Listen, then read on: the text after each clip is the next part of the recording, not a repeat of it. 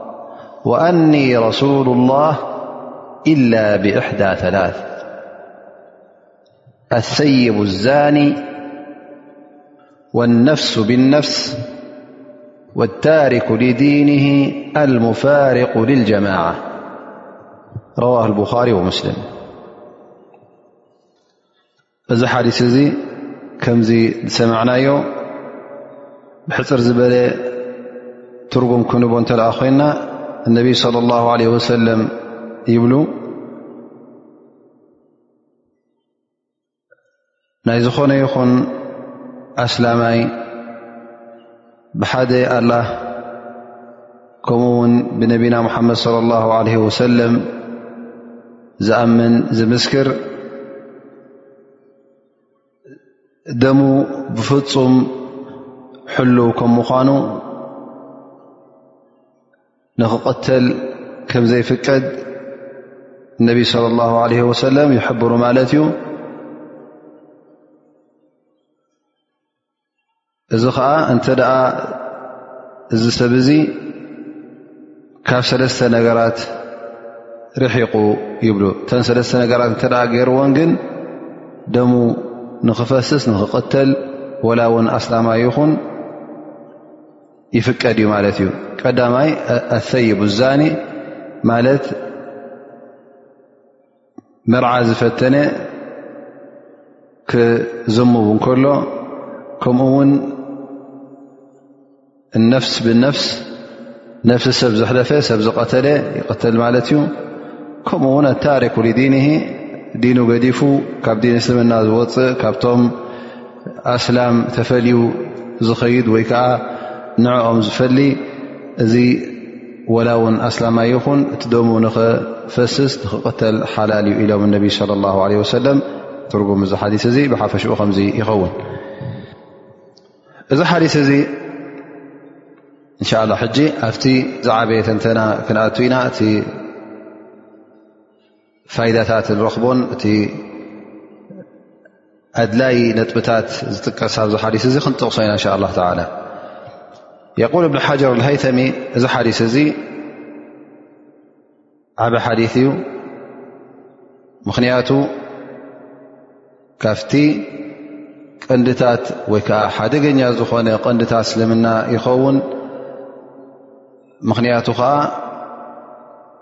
ምስ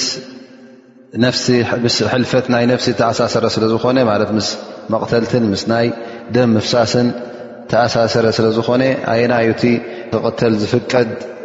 ነፍሱ ክሓልፍ ወይ ከዓ ንክቕተል እውን ዘይፍቀድ እዩ ዝሕብር ዘሎ ስለዚ እዚ ሓዲስ እዚ ዓብ ሓዲስ እዩ ምኽንያቱ ደም ሰብ ንክፈስስ ተፍቅደሉን ዘይተፍቅደሉን ኣገባብ ወይ ከዓ ደንቢ ይውስን ስለ ዘሎ በዚ ምኽንያት እዚ ይብል እብን ሓጀር እዚ ሓዲስ እዚ ብደንቢ ወይ ከዓ ጣዕሚ ኣገዳሲ ዝኾነ ሓዲ እዩ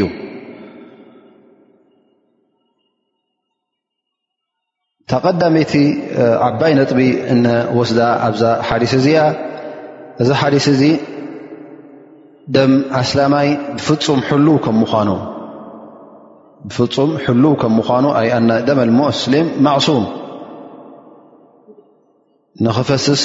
እዚ ሰብ እዚ ንኽቐተል ኣስላማይ ፈፂምካ ከምዘይፍቀድ እዩ ዝሕብር ዘሎ ሰብ ንኽትቀትል ድማ ደም ሰብ ንኸተፍስስ ዓብይ ዘንቢ ከም ዘለዎ እዚ ሓዲስ ጥራይ ዘይኮነ ኣብ ብዙሕ ኣሓዲ ብዙሕ ኣያታት እውን ንረኽቦ ኢና ሓደ ካፍቲ ቁርን ንረኽቦ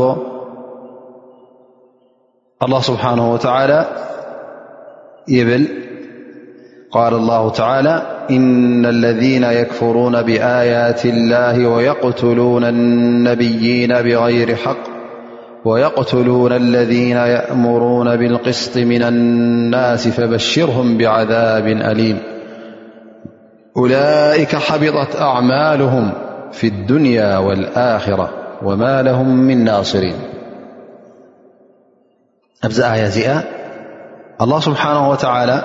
ንደቂ ሰብ ዝቐትል ብዝያዳ ድማ ነቶም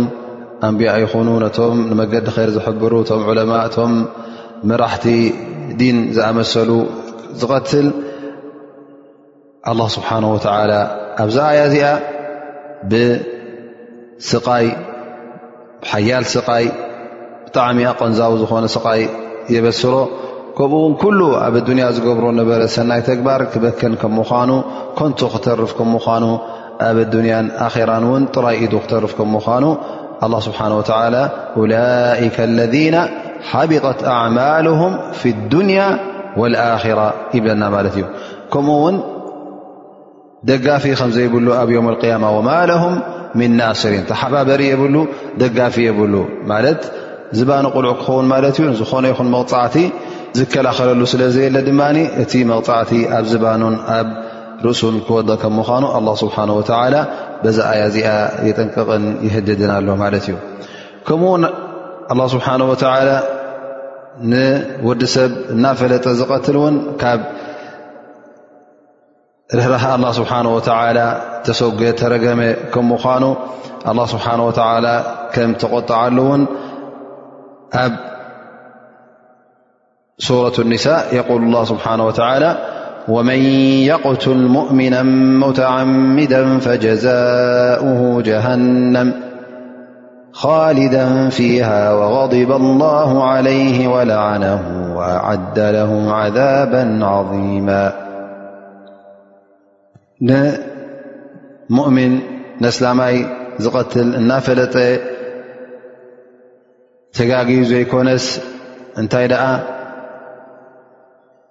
ንክቐትሎ ኢሉ ተበጊሱ ብዝቐትል መሳርያ ገይሩ ክቐትሎ እንከሎ እዚ ሰብ እዚ ሕጂ እቲ መቕተልቲ ዝፈፀሞ መቕተልቲ ብዘይ ሓቂ ብዘይ መገዲ ብዘይ ሕጊ ብዘይ ሸርዒ ስለ ዝቐተሎ ኣላ ስብሓን ወተላ ዝሰብ እዚ ይብል ፈጀዛእሁ ጀሃንም እዚ ዝቐተለ ሰብ ዮም ኣልቅያማ ጀዛእሁ ዓስቡ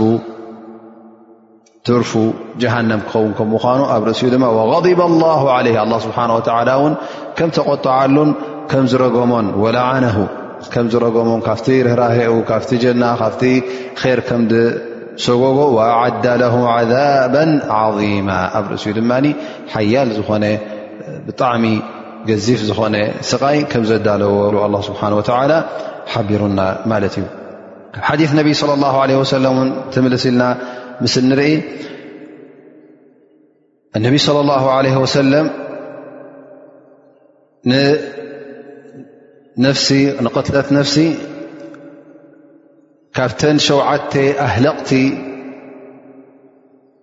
لوم النبي صلى الله عليه وسلم تغيس من يقول النبي صلى الله عليه وسلم اجتنبو السبع الموبقات قالوا يا رسول الله وما هن قال الشرك بالله والسحر وقتل النفس التي حرم الله إلا بالحق وأكل الربا وأكل مال اليتيم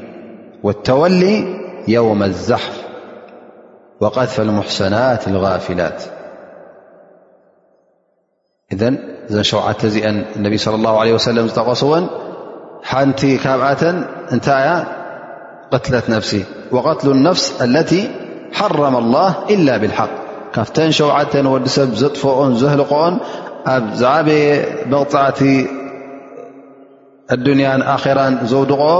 እዘን ሸውዓተ ሓንቲ ካብን እዛ ሎ መዓት ንጠቕሳ ዘለና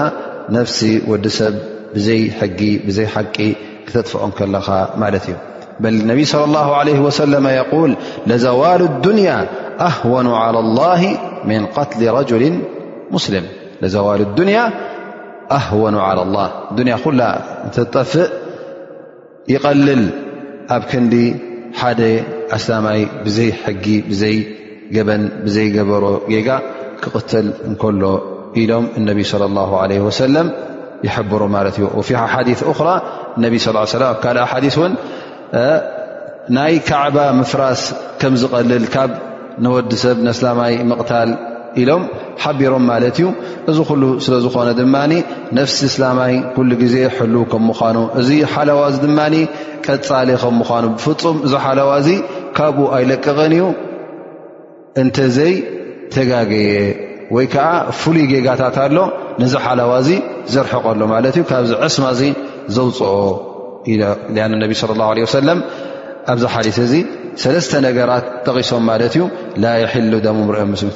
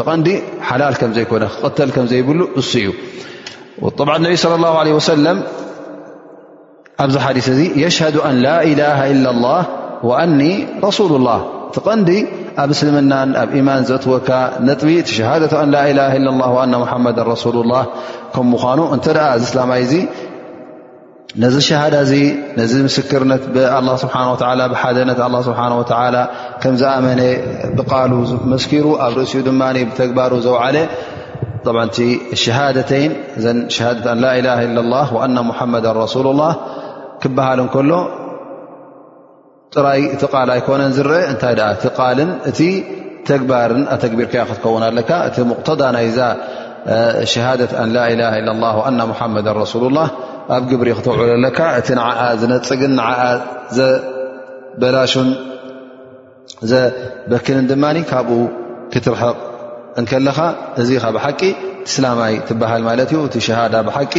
ከም ግቡእ ዓቲርካዮን ከምቲ ኣላ ስብሓን ወላ ነቢ ለ ላ ለ ወሰለም ዝኣዘዙኻ ቀጥ ኣቢልካ ነዛ ሸሃዳ እዚኣ ሕዝካ ክትከይድ ከለኻ ሽዑ ኸቲ ናይ ብሓቂ ኣስላማይ እትበሃል እዚኣ እታ ቐንዲ ነጥቢ እኖ ደም ኣስላማይ ሕልው ከም ምዃኑ ብፍፁም ውን ክፈስስ ከም ዘይብሉ እነቢ ለ ላ ለ ወሰለም ሓቢሮም ግን ሰለስተ ጉዳያት ጠቒሶም ኣለዉ እዘን ሰለስተ ነጥቢ ድማ ደምካ ኣንታ ሙእሚን ኣንታ ኣስላማይ ደምካ ንክፈስስ ሓላል ዝገብሮ እየን እሞኒ ካብአን ተጠንቀቕ ምኽንያቱ ዓበይቲ ገበን ስለ ዝኾና ንህብረተሰብ ይኹን ንውልቀ ሰባት ዝጎድኣ ስለ ዝኾና ስለዚ እዘን ገበናት እዚአን እዘን ወንጀላት እዚአን ካብአን ረሓቂ ዝብለካ ዘሎ እዚ ኩሉ ኣላ ስብሓን ወተላ ነፍስኻ ሕልው እናበለካ እንከሎ ብሰንኪ ዘን ገበናት እዚአን ግን እዛ ነፍሲ እዚኣ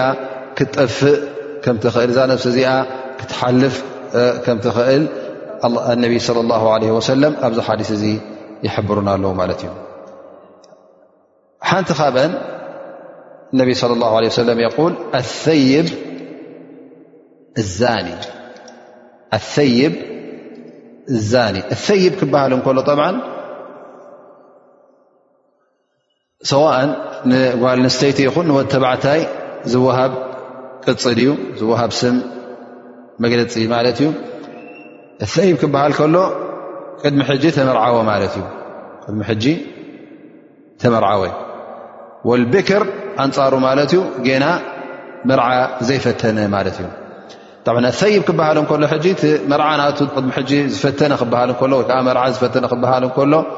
እዚ ሰብ እዚ ናይ እቲ መርዓ ሸሪዓዊ መርዓ ተመርዓዊ ክኸውን ኣለዎ እንተ እቲ ቅድሚ ሕጂ ዝገበሮ ፆታዊ ርክብ ብናይ ዝምውና ኣገባብ ብናይ ዕርክነት ስም እናሃበ ብካልእ እተ ዝገብር ነይሩ ኮይኑ እዚ ኩሉ እሕሳን ኣይበሃልን ወይከዓ ሰይብ ኣይበሃልን ሰብ እዚ ገና ኣብ ብክሪ ዝቁፅር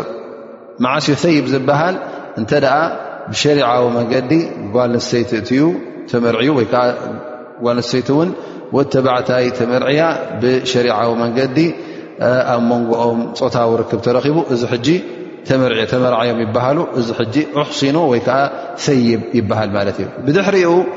ምናልባሽ ይፋትሑ ሓዲኦም ይሙት ላስ እዛ ሽም እዚኣ ቀፃል እያ ዝፈተነ ሕጂ ፈቲኑ ይበሃል ማለት እዩ ብኡ ላስ ሰይብ ይቁፀር እቲ ብፍፁም ዘይፈተነ መርዓ ድማ እንታይ ይቁፀር ማለት እዩ ቢክር ይቁፀር ማለት እዩ ፈሰይበ መቕሱድ እዘን ቅድሚ ሕጂ መርዓ ዝፈተነ ዝፈተነ ማለት እዩ ንቡር ዝፈተነ እዛኒ ብማዕና ዘማዊ ማለት እዩ እንተ ንቡር ዝፈተነ ኮይኑ ጓል ሰይቲ ኮይና ወተባዕታይ ኮይኑ ቅድሚ ሕጂ ንቡር ናይ መርዓ ፈቲኖም ነሮም እሞ ከዓ ኣብ ዝሙና እተ ወዲቖም ደሞም ንኸፈስስ ሓላል ይኸውን ማለት እዚ ወተባዕታይ ኮይኑ እዛ ጓል ሰይቲ ኮይና እቲ ሓለዋ ተዋሂባቶ ዝነበረ ተዋሂቦዎ ዝነበሩ ብሰንኪ ቲ ኢማኖም ብሰንኪ ትስልምናኦም ይቕንጠጥ ማለት እዩ ሕጂ ዝባኖም ይቕላዕ ንመቕተልቲ እውን ይበቑ ኣጅማዕ ዑለማ ዑለማ ኩሎም እውን ይብሉ እ ሓዱ ዛኒ ሰይብ እንተ ኮይኑ ክቐተል ከም ዘለዎ እቲ ቀታትልኡ ድማ ብእብኒ ረጅም ጌርካ ክቐተል ከም ዘለዎ እዚ ኣብ ግዜ ነቢና ሓመድ ለ ላ ለ ወሰለም ተገይሩ እዩ ማዕዝ ዝበሃል መፅኡ ነቢ ስ ሰለም ተኣሚኑ ዝዘመዎ ከምኡ ውን ቃምድያ ሓንቲ ዋንሰይቲ መፅያ ውን ኣብዚ ከምዚ ዝኣመሰለ ገበን ምስ ወደቐት በዓላ ምስ ተኣማመነት እነቢ ለ ላ ለ ወሰለም ብእምኒ ተጨፍጭፋ ንክትቀተል ፈሪዶም ማለት እዩ በል ኣብ ቁርን ውን الشيخ والشيخة إذا زنيا فارجموهما البت نكالا من الله والله عزيز حكيم بال ي ر بل علماء ي ل حف تسر ن تسان نت أي تسرزن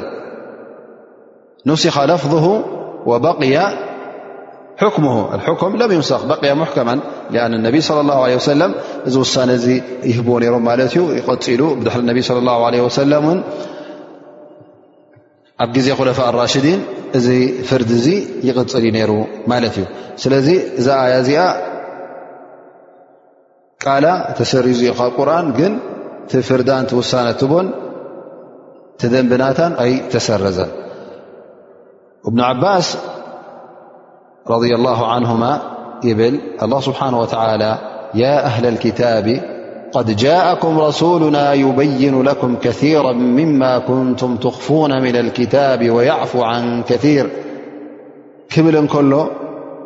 እዚ ቁርን እዚ እዚ ኣላ ስብሓን ወላ ዘውረደልና ቁርን ነቲ ኣህለል ክታብ እቶም ሰብ መፅሓፍ ቶም ኣይሁዳውያን ከምኡውን ቶም ክርስትያን ዝሓብእዎ ዝነበሩ ገለገለ ኣያታት ንዕኡ ንክገልፅ እዩ መፅኡ እዚ ቁርን እዚ ካብቲ ዝሓብእዎ ዝነበሩ ድማ እንታይ እዩ ነይሩ ከምቲ ግዜ ነቢና ሓመድ ስ ሰለም ተረክበ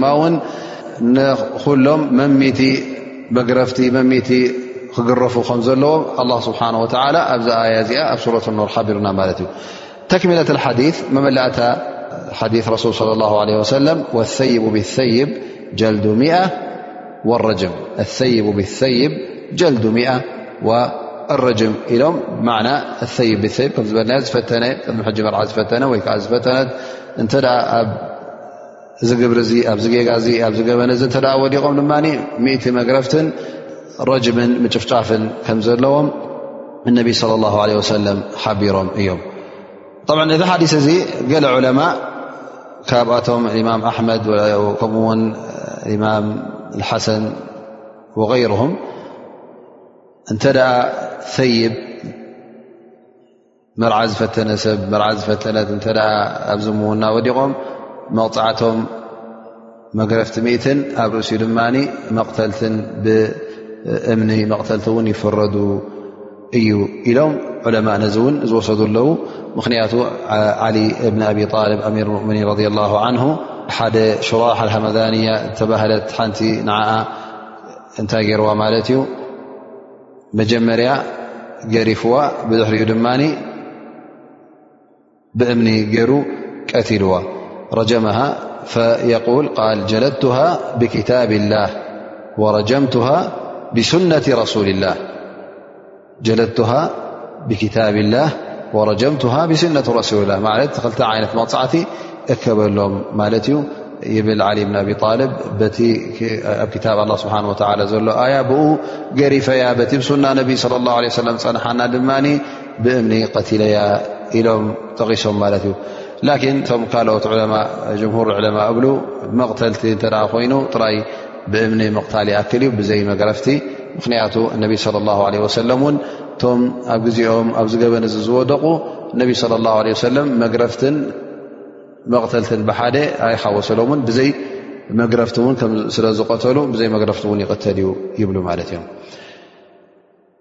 እዘን እዚ እቲ ሓደ ዓበ ገበን ዝተባሃለ ማለት እዩ ጉዳይ ናይ ዝምውና ስለ ዝኾነ እዚ ዝምውና እዚ ድማ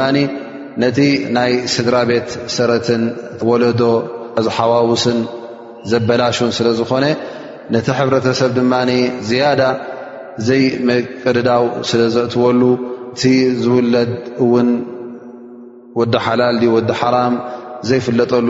እንተ ደኣ ኮይኑ እዚ እዚ ህብረተሰብ እዚ ብጣዕሚ ኣስጋኢ ህብረተሰብ ክኸውን ስለ ዝኽእል ኣላ ስብሓን ወተዓላ ጉዳይ ዝምውና ነቲ ህብረተሰብ ምእንቲ ክሕሉ ጉዳይ ዝምውና ኣላ ስብሓን ወተዓላ ክሳዕ ክንዲዚ ገበን ገይርዎ ማለት እዩ ምናልባሽ እቲ ቤክር ጌና መርዓ ዘይፈተነ ሰብ ኣብ ጌጋ እንተወደቀ ኣላ ስብሓን ወተላ እቲ መቕፃዕቲ ናእቱ ቁሩብ ኣጉዲሉ ማለት እዩ ግን እቲ ዝፈተነ ሰብ እታ ዝፈተነት ሰብ ኣላ ስብሓን ወተላ እቲ መግረፍቲ ወይ ከዓ እቲ መቕፃዕቲ ዝወርዶም ብጣዕሚ ሓያል ገይረዎ ማለት እዩ ምኽንያቱ እዞም ሰባት እዚኦም ቅድሚ ሕጂ ስለ ዝፈተኑ ነዚ ጉዳይ እዚ እውን ስለ ዝፈልጡ እቲ ምብልሻውን እቲ ክፍኣትን ብሰንኮም ክባዛሕን ጉድኣቱ እውን ዝበርትዐን ዝሓየለን ክኸውን ስለ ዝኽእል ኣላ ስብሓን ወተላ እዚ ጉዳይ እዚ ብፍፁም ምእንቲ ክዕፆ እቲ መቕፃዕቲ ሓያል ገይርዎ ማለት እዩ እዘን እዚኣ እታ ሓንቲ ንደም ወደ ስላማይ ሓለዋናቱ ተፍርስን ትስርዝን ተኻላይቲ ድማ ወዲ ሰብ ክቐትል እንከሎ ቀትለ ነፍስ ገብር እንከሎን ሰብ ክቐትል እንከሎ ማለት እዩ ነቢ ስ ሰለ ቃል ወነፍሱ ብነፍስ የቁል ነቢ ስ ሰለም ዑለማ ኩሎም ይብሉ እ ዝኾነ ይኹን ሰብ እንተ ነስላማይ እናፈለጠ ቀትልዎ እዚ ሰብ እዚ ክቐተል ኣለዎ ይብሉ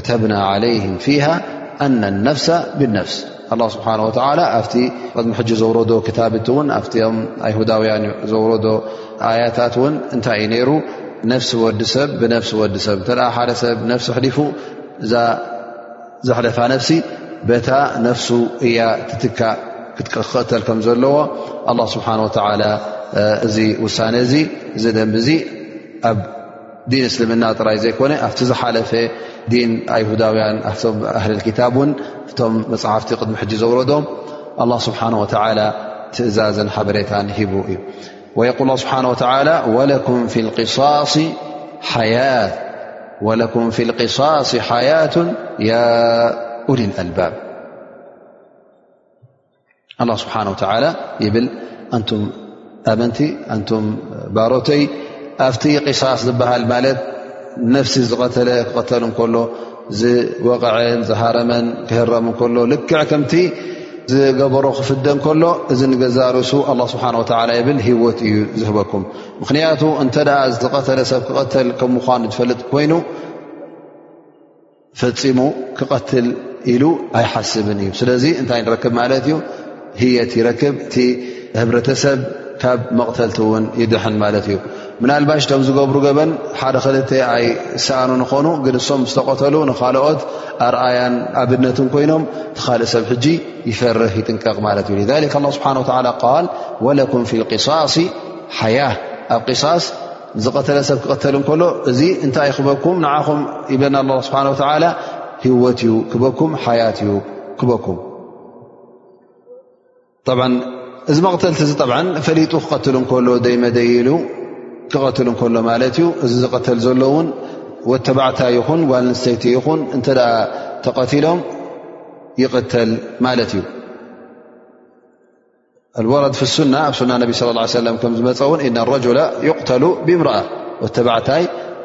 እንተ ጓልሰይቲ ቀትሉ ብሰንኪ ዝቐተላ ጓልሰይቲ እውን ይቐተል እዩ ስለዚ ኣብ መንጎ ጓልሰይትን ወተባዕታይን ፍልል የብሉን ነቢ ለ ላ ለ ወሰለም ሓንቲ ጓልሰይቲ ብትግዜኦም ሓደ ኣይሁዳዊ ምስ ቀተላ ነዚ ኣይሁዳዊ እዙ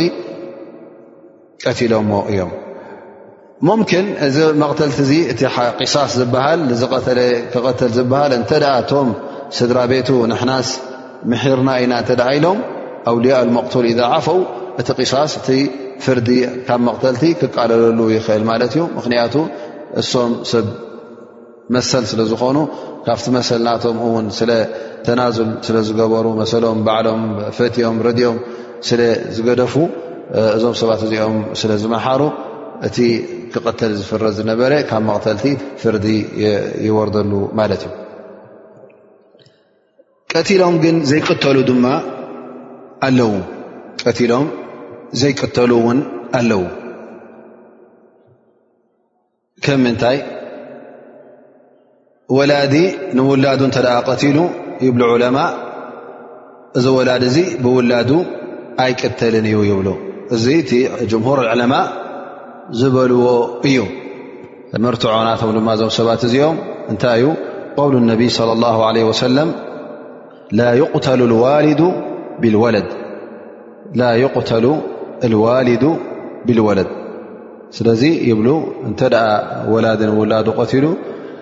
ዝኾነ ይኹን ካልእ ዓይነት ፍርዲ ይፍረድ ዳኣ እምበር ብእኡ ኣይቅተልን እዩ እዚ ሓደ የውፅኡ ማለት እዩ ካልኣይ ድማ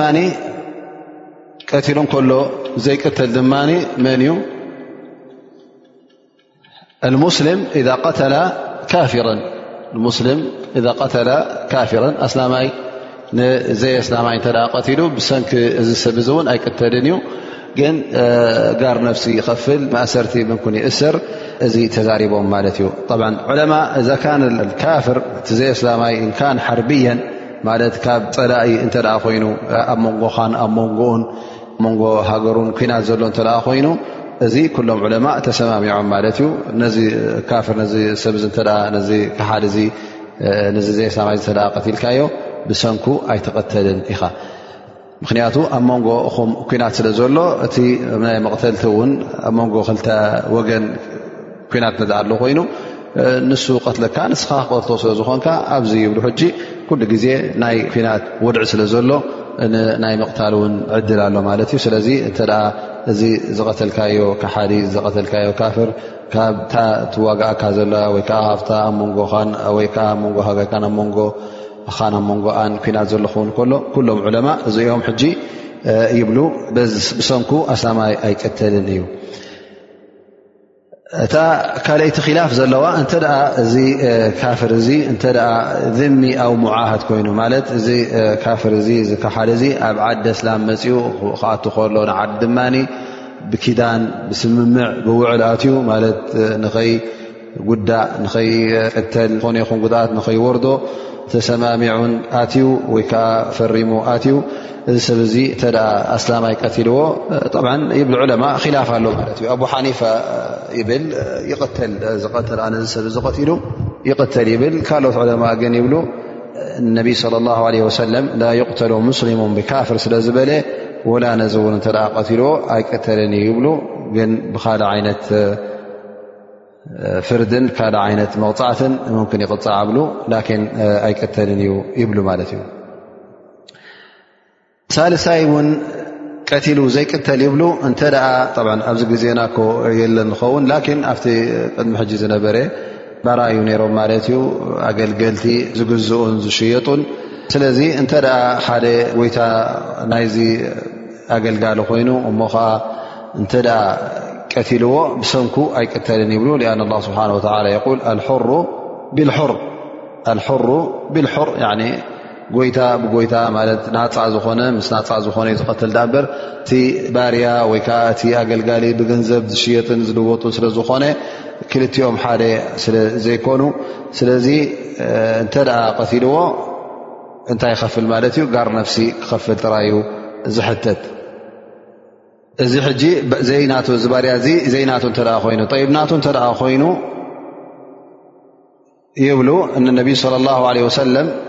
في عهد النبي صلى ه سلم أن رجلا قتل عبده صبرا متعمدا فجلده النبي صلى الله عليه وسلم مئة جلدة ونفاه سنة ومحى سهمه من المسلمين ولم يقد به وأمره أن يعتق ኣመረሁ ኣን ዩዕትቃ ረቀባ እዚ ባርያ እዚ ወይከዓ ዘጋልጋል እዚ ናቱ ነይሩ እተ ኮይኑ ብገንዘቡ ዝገዝኦ እተ ኮይኑ ከምዚ ነቢ ለ ላ ለ ወሰለም ዝገበርዎ ይግበር እንታይ እዮም ገሮም ነቢ ስ ሰለም ሓደ ሰብኣይ ንባርኡ ቀትልዎ ክቀትሎ ከሎውን ፈሊጡ ቀትልዎ ማለት እዩ ፈነቢ ለ ላ ለ ወሰለም ነዚ ሰብ እዚ ነዚ ጎይታ ናይዚ ባርያ እዚ ኣምፅኡ እንታይ ገይርዎ ሚእቲ መግረፍቲ ገሪፍዎ ንዓመት ድማ ካብ ዓዲ ሰጒግዎ ማለት እዩ ከምኡ ውን እቲ ዝመፆ ዝነበረ ሓገዝ ምስቶም ኣስላም ዝካፈሎ ዝነበረ ካብኡ ውን ንኸይወስድ ከልኪልዎ ካልእ ባርያ ውን ናፃ ንኽብል ኣዚዝዎ ማለት እዩ ግን ብሰንኩ ከምዘይቀተሎ እነቢ ስለ ላ ለ ወሰለም ኣብዚ ሓዲስ እዚ ይበርሃልና ማለት እዩ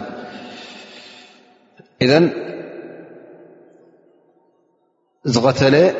ክቐተል ከም ዘለዎ እዚ እቲ ቀንዲ ግን ካብኡ ድማ እስትፍናኣት ኣሎ ማለት እዩ ካብኡ ድማ ዝወፅእ ኣሎ ማለት እዩ ከም በዓል ወላዲ ኢልና ጠቂስና ማለት እዩ ጎይታ ኮይኑ ንባርያ ተ ቀትሉ ከምዝኣመሰለ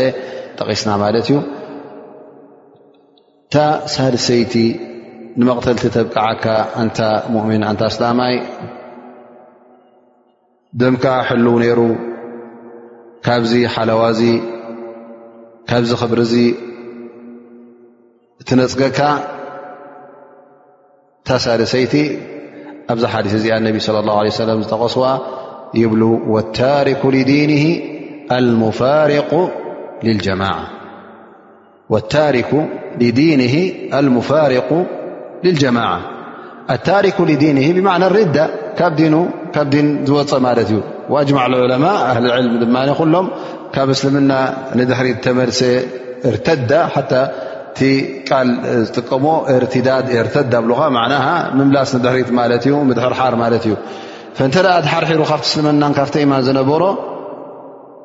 ይምከር መጀመርያ ይምከር ንዓ ዝገብሮ ዘለካ ጌጋ እዩ ኢልካ ዳዕዋ ትገብረሉ ትመክሮ ትመርሖ እንተ ኣብዩ ኣነስ ኸላስ ኢሉ ኣይሰምዐን ኣይርእን እተ ኢሉ ብድሕሪ እዚ እንታይ ይፍረድ ማለት እዩ ንመቕተልቲ ይፍረድ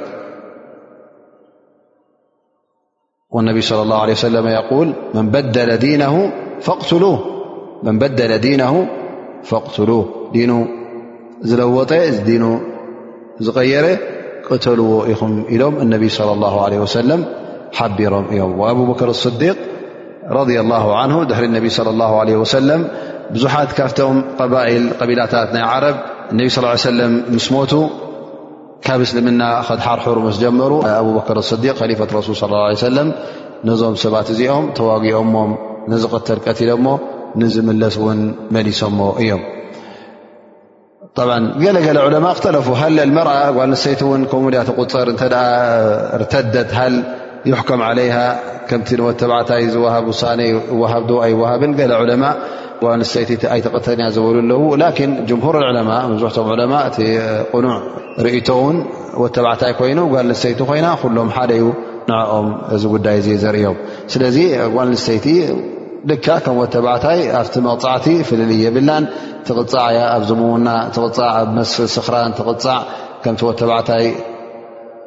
ዓብዪ ገበን ስለ ዝኾነ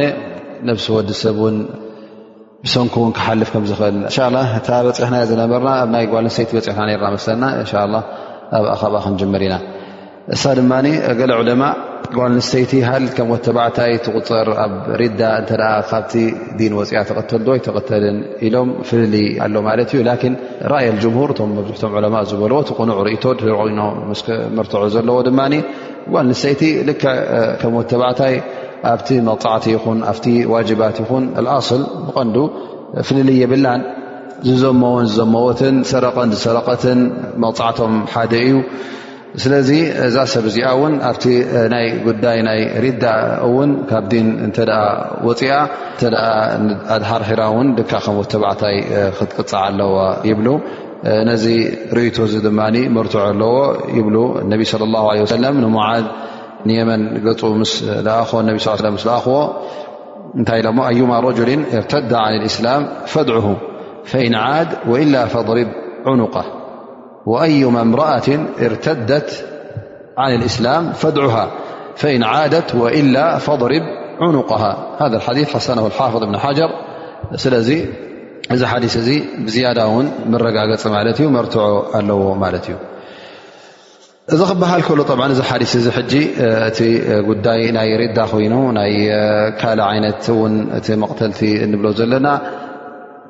ዝኾነ ይኹን ሰብ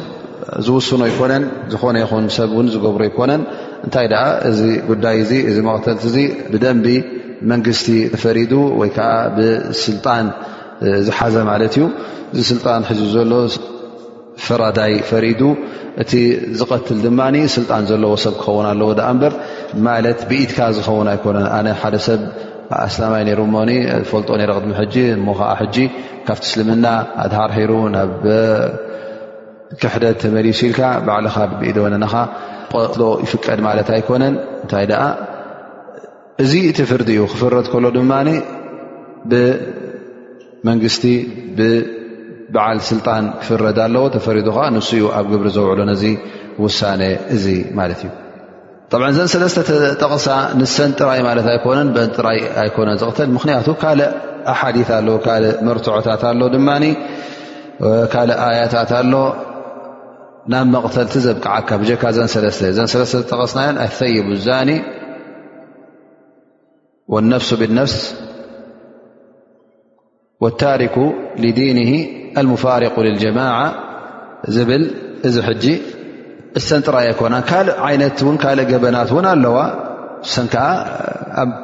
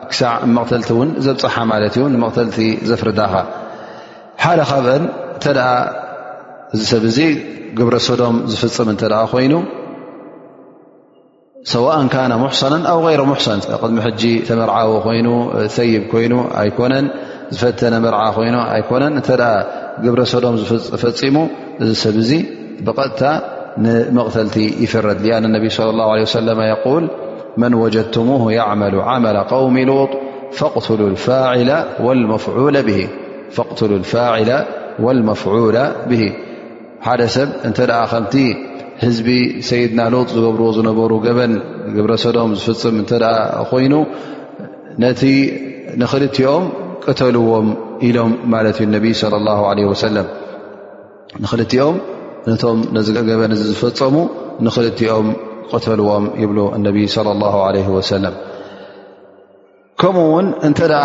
ልፍሳድ ፊ ኣርض ሪቅ ብማዕና ሓደ ሰብ ኣብ መገዲ መገሻ ኮይኑ ኣብ ፀምፀም በረኻ ካብ ዓዲ ንዓዲ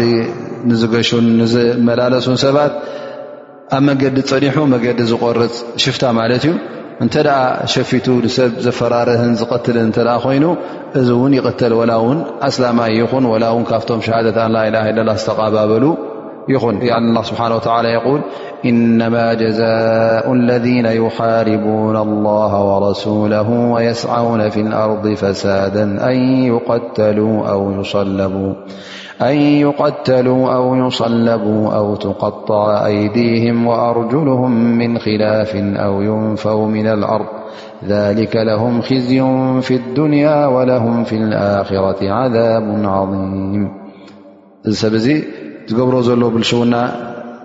እቲ ዝገብሮ ዘሎ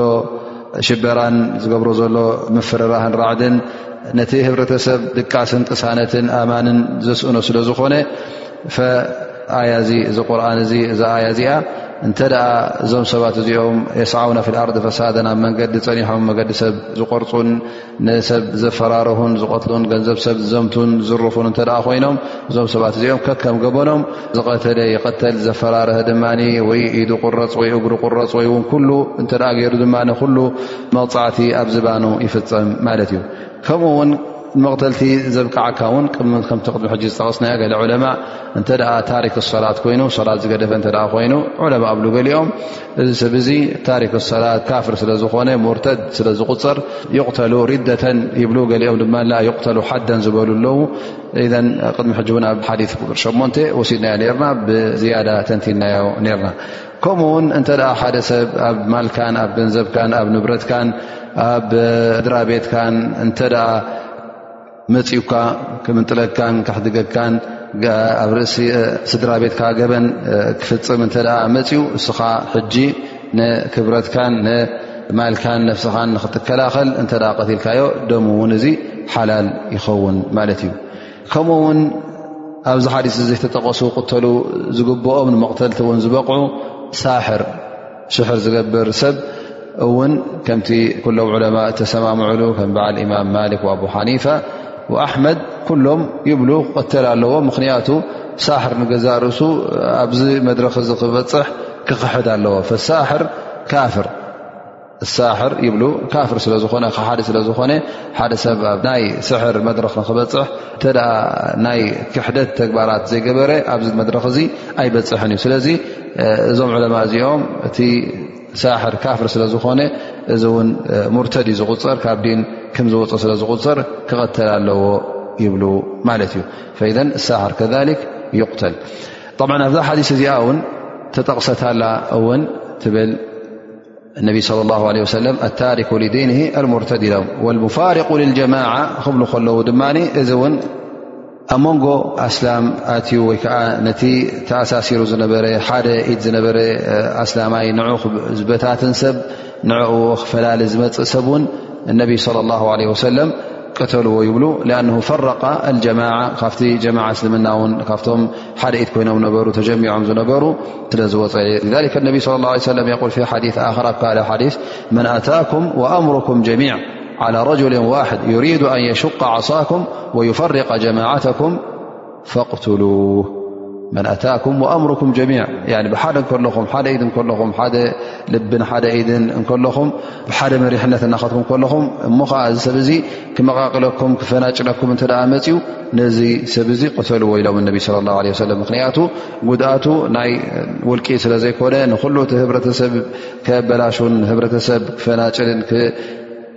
ጨዳድድን ስለ ዝመፀ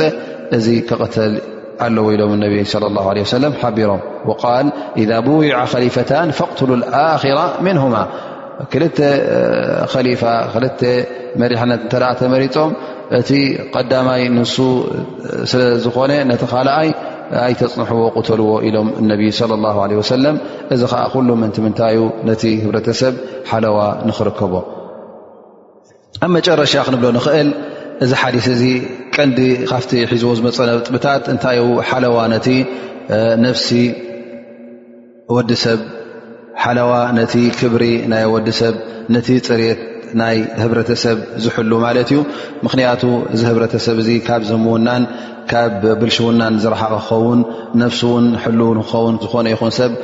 ክቐትለካ ምእንቲ ከይፍትን ክቐትለካ እውን ኣብ ሓሳቡ ንኸይኣቱ ኣብ ርእሲኡ ድማ እቲ